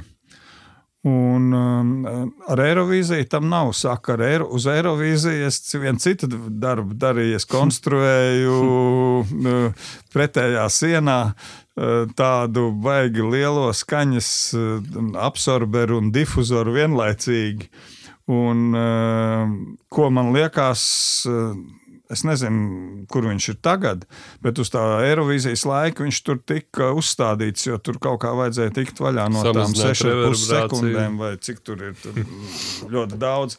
Es atceros, kad mēs mērījām reverbrāciju. Nu, vispār tādā akustikā es esmu amatieris, bet es vienalga esmu salasījies un es kaut ko daru, un tie rezultāti jau apmēram mm, atbilst tā kā Plānotēm. jā, tam plānotājam, un tad, lai tur nomērītu to akustiku, varētu izmērīt to rimšanu 60 decibelos ar balonu. Nekas tur īsti nesanāca. Un tad es biju sarunājis pirotehniķu, kurš atnāk un uzšauja reālu šašku. Un uh, tādā veidā to nomērīja. Bet uh, tā, tā konstrukcija, kas tur bija pielikta, es biju sarēķinājis, ka vajag apmēram 6 vai labāk 8. Bet nu, viņi ielika vienu zālē. To, nu, kaut kāds efekts jau varbūt bija, bet nu, tas bija smieklīgs. Bet nu, tie, kuriem tas vajadzēja, un, un lai būtu kaut kas darīts, un tā tad akustika izmainīta, tie teica, baigi, baigi labi, ir tagad jau daudz labāk. Politika. Protams. Jo. Nu jā, un tad, tad vēlreiz tā zāle tika pārtaisīta uz hokeja čempionātu. Tad vienkārši tāpēc, ka tur savādāk tribīnas, tā tad vajadzēja to pārkarināt. Tātad tas bija vēl viens projekts, bet tika izmantotas tieši tās pašas stumbas. Un, un, un pēc tam to tikai Finkiņš zina, kā viņš pie viņām tika. Bet tā, tā, vai tas ir tikai manā galvā, ja redzu Mersonu, tad droši vien, kad tu to esi eh, palīdzējis kaut kur ielikt. Vai... À, nē, tādā, tādā ziņā, jā, kad es esmu pielicis savu pirkstu, lai tā tumba tur būtu. Ja tā ir Latvijā kaut kur, jā, tas, tas gan tā varētu būt. Protams, kad ir ka noteikti kaut kādi atsevišķi gadījumi, kad ka kāds ir nopircis kaut kādu lietotu vai ko. Nu, Kas īstenībā ir nu, diezgan izdevīgi. Tās stumbras, ko vairs neražo. Šobrīd var par diezgan, izdevīgi. diezgan labām naudām nopirkt. Viņas jau darbojās. Tur jau tā lieta, es, cik es esmu mērījis, ja tur nav nekas bojāts, tie parametri ir tā kā jaunai. Tur nekas nav. A, Kas, Andri, varētu, ar ko varētu izskaidrot šo straujo cenu kritumu tieši mēģinājumā? Kā tagad jaunās stumbras krītās vai kas? Nē, jaunās- tieši lietotājām, jaunās, nē, lietotajām lietotās. MSL4 vai, nu, nu, nezinu, 1 pret 20 no sākuma. cena. Nu, tieši, nu, nu labi, 1 pret 10, es nemāku pateikt konkrēti, mm -hmm. salīdzinot no ar citiem brandiem, kas ir arī raideros, Nu, piemēram, nav UP. UPA tumba, tā, ka viņa um, pārdevās un viņa bija jauna, viņa maksāja kaut kur ap 5, 6 štukām. Nu, tad tā. tagad šī tik Un tagad viņi nopirkt. maksā nu, 1, 2. Jā. Tātad nu, 5 reizes. Apmēram. Savukārt, salīdzinot to brūnās stumbas, jo viņi maksāja trīs, tagad viņi no var nopirkt viens, divi. Nu, mm. -hmm. Tas ir jocīgi, jo- jo viņas tiešām, viņām mazāk kropļojumi tādas objektīvas lietas, kas ir, nu, bet nē, vai varbūt tāpēc, ka ģimene paliek veca. Man jau grūti pateikt, es jau neesmu baigi tuvos kontaktos tagad arī ar Mēra Soundu. Bet, eh, nu, tas, tas viens, kas man attiecībā uz Mēra Soundu eh, īsti nepatīk, kad eh, redz, kāpēc, es viņu izvēlējos? Tāpēc, ka man viņš reāli patika, Patika, stipri skan. labāk, kā viņš skan par jebko citu, ko es biju dzirdējis. Un, un kad es, es nekad nebiju vīlies, tad vienalga, kā, kādas, kādā veidā notika kaut kādi demo, vai kur viņš tika izmantots. Bet, zināmā kā, nu, tagad es viņu tā kā. Nu, man, ir, man ir kontakts, ir, bet es neesmu nekāds tur viņa pārstāvs tiešais vai tam līdzīgi. Līdz ar to teiksim, tas, eh, tāpēc, ka es biju tas viņa pārstāvis un es, es ar, to, ar to pārdošanu saistīts, eh, tāpēc eh, es par to nu, man nepatīk runāt, jo tas uzreiz izklausās neobjektīvi. protams. Bet eh, es, es, pats, nu, es pats varu ats, atslēgties no tā. Un, teiksim, priekš sevis, ja, piemēram, vislielākā pieredze man bija kāra daba, kur es diezgan daudz esmu izbraukājis, visvisādas lietas, un kur ir bijušas visvisādas sistēmas. Nu, viennozīmīgi, tad, kad ir koris un dzīvās balsis, ar to mējeru tu vari tikt pie labāka rezultāta. Arī Dabgambas gadījumā ir bijis tā, ka ir visādi citādi faktori. Tu tev tur kaut kā nav apakšas, tāpēc, ka tā ir telpā dunu un tam līdzīgi visu vai ko. Bet, ja tu piestrādā, tu vari tikt pie labāka rezultāta. Un, un es, esmu, es esmu centies pie, ar brūnajām tumbām tikt pie labāka rezultāta, dažādā kombinācijā. Tomēr man patīk labāk, eh, labāka mērs tādā ziņā. Tur, protams, ir visādi faktori. Ja, ja tev tur ir divi mikrofoni, kas eh, protams, ar fāzes nobīdi fēzerē, tad pie jebkuras eh, sistēmas tas izklausās mm. Stūbi. Vai tā kā dziesmu svētkos, piemēram, nu, ir kora monitori, kuros ir tik daudz klavieres, piemēram, kad, kad, kad tev tā tīrā klavieru skaņa vairs ne, nav tīra. Viņi ir vienkārši viens, viens fēzers, tur vien, viens komfilterings, nekas tur cits vairāk nav. Uh, nu, kors, līdz, ar, līdz ar to kurs arī tā skan. Ja? Un, un to, piemēram, dziesmu svētkos, uh, kad ir mēģinājumi, tur var mierīgi tur diriģents kāds atnāk, tur saka, ka kaut kā nav tā, tā tad tu vienkārši nu, izdari kaut kādu, kaut kādu manipulāciju, manipulāciju parādi, parādi, kā tas Jā. skan, ja es novācu monitorus vispār jau uzreiz. Oh, mm -hmm. Bet, bet šī tā nevar, jo tie Nu, jā. Kur, vai, no kura gada Meijera saundu sāki uh, lietot? Nē, nu, parādījās viņš kaut kad uh, ātrāk, jau Amptona laikā tas parādījās. Es domāju, ka tas parādījās jau teikt, no kaut kāda 2000. vai 98. Mm. gada. Uh, mana firma, nu, kad es savu firmu nodibināju, tas ir 2005. gads. Jā. Bet tad es vēl kaut kādu pusgadu cīnījos par to, lai es dabūtu to Meijera saundu pārstāvju. Nu, jā, un tajā laikā Kā, kas vispār tādā GBL? GBL? D DNB pirmā sistēma ir operā uzstādīta. Jā, DNB kā parādījās operā, likās ļoti laba sistēma. Mhm. Un viņa vēl joprojām tur darbojās, un nav jau tur nemaz tik slikti. Bet nu, tajos laikos Meijers bija nu, kaut kādu soli priekš. Tagad jau tā atšķirība vairs nav. Nē, es domāju, ka Meijers vispār, nu, ja tā runā par tehnoloģijas, tehnoloģijas lietām, ka viņš vispār ir kaut kādu soli aizmugurē aiz visiem. Tagad, jo, bet, bet toreiz, vai toreiz ne, arī vispār, vispār. vispār jo nu, Džonam iet baigi ilgi, kamēr viņš kaut ko izlaiž. Ja? Viņš jau nelaiž neko ārā, kamēr viņš nav simtprocentīgi pārliecināts, ka viss ir kārtībā. Viņiem bija kādreiz tādas maziņas eh, studijas monitoru koaksiāli tumbiņas. Bet eh, viņi 70% no saražotām eh, meta ārā, jo. Nu, Nebija kvalitāte. Jā, tad tie skaļruņu ražotāji, kas piegādāja skaļruņus, nu, pārtrauc to. Un tad kaut kādā brīdī, tā kā vecās tumbas, ja skatās, man liekas, pat MSL4, tur ir iekšā uh, GBL pišķiki. Jā. Tad, viss, tad kaut kādā brīdī. Savāds kad, kad nevar atlasīt tā, lai būtu viss tā, kā Džons saka, o, tagad ir ok, tad, tad beigās nu, viņi sāk visu pašu ražot. Nu, viss, tas, tas jau viss sadārdzina viņiem taču ties Lai gan es domāju, ka viņš izmanto to Berklejas universitāti, kas viņam tur pēta visu kaut resurs, ko. Jā. Kā resursu, es domāju, ka arī bez tā, tas tā, tā, tā, tā cenā jau visi tie pētījumi ir uh, iekšā. Nu, ja viņi būtu iekšā, tad nu, Un tas varbūt, ir, tas varbūt ir tas iemesls, kāpēc tā tumba, kad viņa ir lietota, viņai nokrītās cena, jo tad viņai pazūd tā daļa, tā pētījuma daļa. Pētījuma daļa. daļa. Un tad Jā. viņi ir tādi, ka nu, mums te ir ot, tādas stumbas, un viņas ir līdzīgās cenās. Uzreiz. Es domāju, tas ir tāpēc, ka viņi ir smagāki.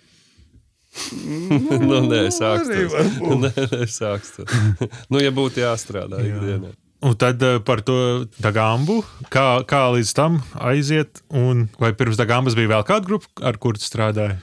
Protams. Nē, nē, man, man ir bijis tā, ka nu, tādā, tādā kā grupas skaņotājs es praktiski neesmu īsti nevienā.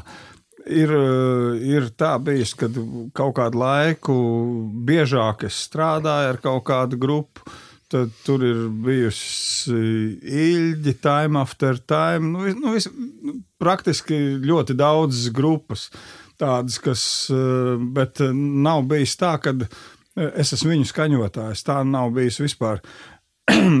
tas, kas eh, kā, kā bija izveidojis ar Dagambu, līdzīgi kā izveidojās Dagamba. Tur ir ļoti, ļoti vienkārši.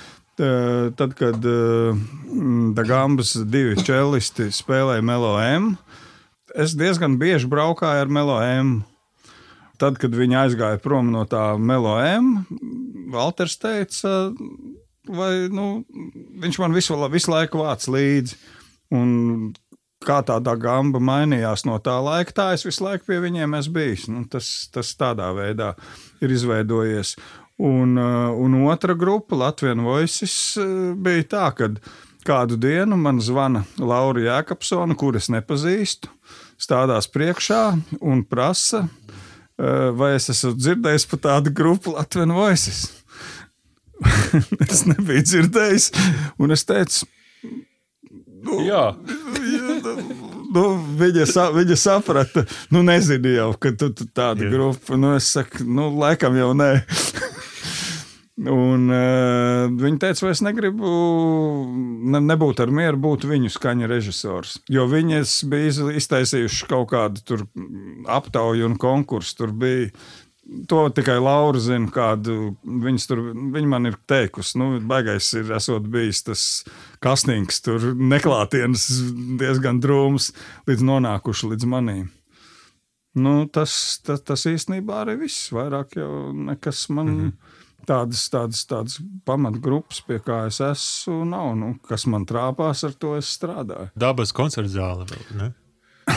Dabas koncerta zāle, jā, tas ir diezgan ilgi tas, bet tas jau, zin kā, tas ir viens pasākums gadā. Vai dziesmu svētkus gan tu vari saukt par savu jā, grupu? Jā. nu, jā, tas ir bijis tā. Un katru reizi pēc katriem dziesmu svētkiem es tādu noņemu. Nē, es šito, man nevajag šito. Jo nu, tur nav, nu, tiešām tur nekad nav bijis tā, ka ir labi. Bet piekrīt naudas dēļ. Nē, nu... sākstos, tas bija. Tas bija. Naudas, nē, nē, es, tur nav baigā nauda. Es sākos. Atcaucoties ar sarunu, es neatceros, vai Finkiņu, varbūt ar Edmundu Liekniņu. Tā kā, nu, katrā valstī skaņo savādāk tos dziesmu sākus. Latvijā arī ir bijis tā, ka ir divi pacēlāji un uzkar tumbas, vai ne? Man liekas, ka ir bijis pat vienreiz, kad ir viens klasters, ko Bulsons ir karinājis virs estrādes, no estrādes aizmugura krāna. Jā, ar krānu. Augstu, jā. Ot, ar krānu. Un tas ir to, ko es zinu no tehniskiem cilvēkiem. Viņi saka, ka tas ir tā, kā ir skanējis vislabāk ar apskaņošanu. Bet to es esmu teicis ļoti sen un daudz, kad nu, protams, tā tā vajag uzlikt. Fiziku mēs ar, nevajag ar Brik, Brik, Brikmanu esam uh, strīdējušies par to, vai, ta, vai tas ir vispār iespējams. Jo, jo, ja man prasa, kā būtu vislabāk, tad tā būtu vislabāk. Es tieši to arī gribēju paprasīt. Un, ja saki, man arī tieši tā liekas, ka tas ir vispareizāk, bet katru gadu tiek mēģināts kaut kas mainīt. Tāpēc, ka nav jau tehnisks iespējas nolikt tās tumbas tur, kur viņas vajag. Kur viņām vajadzētu būt? Tas ir tā kā doma baznīcā ar ērģeļu ierakstu. Tur tu mikrofonu, kurā, kuru vajadzētu uzlikt mikrofonus, lai tās ērģeles skanētu tā, kā vajag, viņu nevar tādā vietā uzlikt. Un tur, kur viņš ir uzlikts, viņš ir pa tālu. Un, un, un, un nu, visu laiku ir tā, ka tev ir jākombinē no kaut kā. Un, un tā kombinēšana, tas jau ir tas, ir, ar ko mēs ar Pinu nonācām pie secinājuma, kad uzlikt trīs mikrofonus, teiksim, orķestrim. Un ar tiem trim mikrofoniem ierakstīt, un tad būs viss tīrākā un labākā skaņa. Tā, tā tas ir. Un, bet bet pirmkārt, ir vajadzīga laba telpa. Orķestris baigi labi spēlē. Un, un, un nu, jā, nu, visi tie faktori kopā salasās. Un, un ir viens demo ieraksts, viņš noteikti ir pie šnē, tur ir mm, vaska. Tas, es aizmirsu, kā viņš saucās, bet stīgām tikai viens gabals tāds. Mēs ierakstījām demo ar trīs apļiem reformātu baznīcā. Šnē teica, viņš visiem, kam Neko ir sūtījis, visur labāk. viņu aicina spēlēt, tas ir baigi labs, nu, laba muzika, labi ierakstīts. Un, un, un man, man, man pašam nav viņš, bet Toreiz mēs tā ierakstījām. Pins bija skeptisks par to, bet beigās viņš arī teica, jā. Viss ir, viss skan, nav nekāda šitā konfiltrēšanās, tu nejūti nekādas tās, tās mucīgās skaņas, kas, ko taisa, skaņa laika nobīdes. Viss ir perfekti. Tu trīs apļem tā kā dekatrija. Jā. Nu, bišķiņ lielāk varbūt mēs, es vairs precīzi neatceros, bet jūs likus ka tri, uz trīs statīviem, 8, 7 uzslēgtus uz apļiem. Tur nebija tīra apļa mikrofona. Nu, to iepriekš, es atvainojos, Krišāna iepriekš tieši pieminējies nepārtrauc, ka tu runāji par uh, tiem skaņu, nē, par diriģentiem, kuri tev ir atļaujuši rakstīt ar tiem pāris miķiem tikai. Nu, pirms tam atgriežoties stundu, divas, es neprasīju, Jā. bet man likās tieši, ka tu teici, o, tad tie diriģenti uzdro, uzdrošinās teikt, ka viņu tas orķestris skan, un viņi izdarīs visu. Nē, diriģenti, diriģenti jau mazāk. Tas ir vairāk nu, tie, kas tādīs ierakstos ir kā producenti klāti. Mēs rakstījām vienu Karlsonu baletu fonogrammu operā. Orķestras bedrē, un es biju uzlicis tikai piecus mikrofonus virs tās bedres. Ja, tā kā deka mm -hmm. trīs ar diviem papildus vēl malā. Uh, Un uh, Karlsons ir bijušais skaņu režisors. Un viņš, uh, nu, viņš saka, kur kokiem mikrofonu, kā viņš saka, nu, kā tas viss ir. Paklausies vispirms. Un viņš pēc tā sāk rakstīt, un viņš pēc tās pirmās sesijas saka, jā, tev ir taisnība. Viss Dar. skan perfekti. Un viss, viss, bija, viss bija labi. Tas ir tāds, nu, ko es atceros, kas kas ir ne tikai diriģents, bet kas arī saprot no mikrofoniem kaut ko, un kas ir nu, mm. nu, skaņa režisors. Nu, viņš, ne, viņš nezina, kas ir deka trījus un jā, jā, bet, tā, nu, bet viņš, viņš ir strādājis par skaņu režisoru. Viņš ir visu laiku ar tiem tuviem mikrofoniem miksējies un ņēmies, bet viņš ir reizē arī komponists. Tas ir viņa gabals. Juris Kalsons, jā, jā. arī skaņu režisors. Jā. Viņš ir skaņu režisors. Jā. Jā, skumi, kad uh, mēs nonākam pie secinājuma, ka mēs zinām tehniski, kā vajadzētu būt meža parkā iekārtot, kā lai skanētu. Varbūt vispār nevajag apskaņot, kas pie, nu, man viens no variantiem, bet uh, mē, mums ir jauna estrāde, un mēs varam iekārt ko? Visu, tikai ne to. Ne, nu labi, tie pēdējie dziesmu svētki plus, mīnus bija ok, un tur ir, nu, būtībā es domāju, galvenais faktors ir tie, kad uh, visi miķi bija uh, DPA, tie uh, 4.0.11. Mm. Un visi ar ļoti labiem vēja pūšļiem, lai nebūtu jāslēdz iekšā tas nenormālais uh, hypās filtrs, kas, uh, kas nu, uzstājas uzreiz, uzstājas telefoniski. Kādu, jā. Jā. Un, un, un tātad tas bija viens no faktoriem, un otrs ir, ko kaut kādus divus vai trīs dziesmu svētkus pirms šitiem, nerunājot par tiem, kas ir pa starpu, ja mazie, bet pa lielajiem. Es taču tur zīmēju plānus, kā jāliek tumbas. Pirmo un, reizi bija izpildījis? Uh, nē, vēl, vēl labāk. Un katru reizi pasaka, nu, būs tā. Un, un tagad tai pēdējā, kā man jau viss tas ir atnicis, un es vienkārši uzrakstu parastajā lapā tos, tos um, noteikumus, ko tur ko vajag, tur kas un kā pēc apjomiem. Kā. Šajā reizē es uzrakstīju, ka uh, tie, kas piedalās konkursā, lai viņi, pie, viņi paši piedāvā to uh, skaļruņu sistēmas izvietojumu, un mēs, tie četri skaņu režisori, kas strādās, mēs izvērtēsim, kurš mums labāk patīk. Tā es biju uzrakstījis. Edis uzliek tieši tā, kā es esmu zīmējis iepriekšējos gados. Nu jā, un, un kad uz Ziemassvētkiem zvana nevis Edim, vai, vai varbūt arī zvana viņiem, Edim vai Slavam, vai kā, kā būtu labāk, bet kad eh, zvana tev, un, un tas, ir, tas ir ļoti augsts. Ne, nepavēlt ir reizēm pateikts, ka es nevaru šo pasākumu nostrādāt. tā īstenībā ir neliela investīcija nākotnē. Bet Raimonda Valda, tev vēl ir bijuši koncerti. Nu, pēdējais bija, man liekas, šovasar dzintaros. Bet tur jau neviens Paulam neprasa. Tagad, tagad man liekas, nevien, nu, Pauls vismazāk interesējās, kas ir pie pulca, es domāju. Viņam uh, monitorā ir iegriezts, nav iegriezts, viņš vienmēr nospēlēs. Tas ir, nu, Tas, tas nav tas gadījums, kuram ir baigi svarīgi, kas ir pie pults. Protams, ka viņš droši vien mājās klausās, un atkal tas nē, nu, nē, nē, nē, nē, tādā nozīmē, ka kaut kas tur. Nu, kā tev liekas, kas būs, ja tu esi strādājis jau principā sanāk 40 gadus, pēc 20 re gadiem tu redzi vispār šādu profesiju? Baigi neesmu par to domājis, bet es redzu. Dūgan, dūgan tik daudz studentu, nu, kā ir tagad konženē, tur nekad es nevaru iedomāties, ka ir interesi par tādu profesiju. Nē, tādā ziņā, tehniskā ziņā, es domāju, ka nebūs tā, ka automiksers kaut ko izdarīs. Nu, labi, nu, tad nu, pārbaudīsim tavu to zemapziņu. Nu, tā jāpasaka ātri atbildi. Nu, vēlams, piecās sekundēs. Un tā jautājuma ir septiņi gabali un nu, viens stulbāks par otru. Tad, uh, tad Mārtiņa audio vai Ela Kustika? Mārtiņa audio.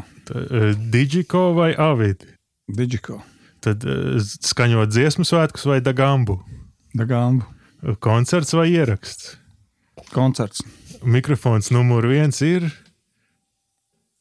SM58. Kuru audio iekārtu vajadzētu aizliegt lietot? Grafisko ekvilaizeru. Nošu pults vai katapults? nu, nošu pults. tā, tas ir viss. Tam testam ir kaut kāds arī secinājums.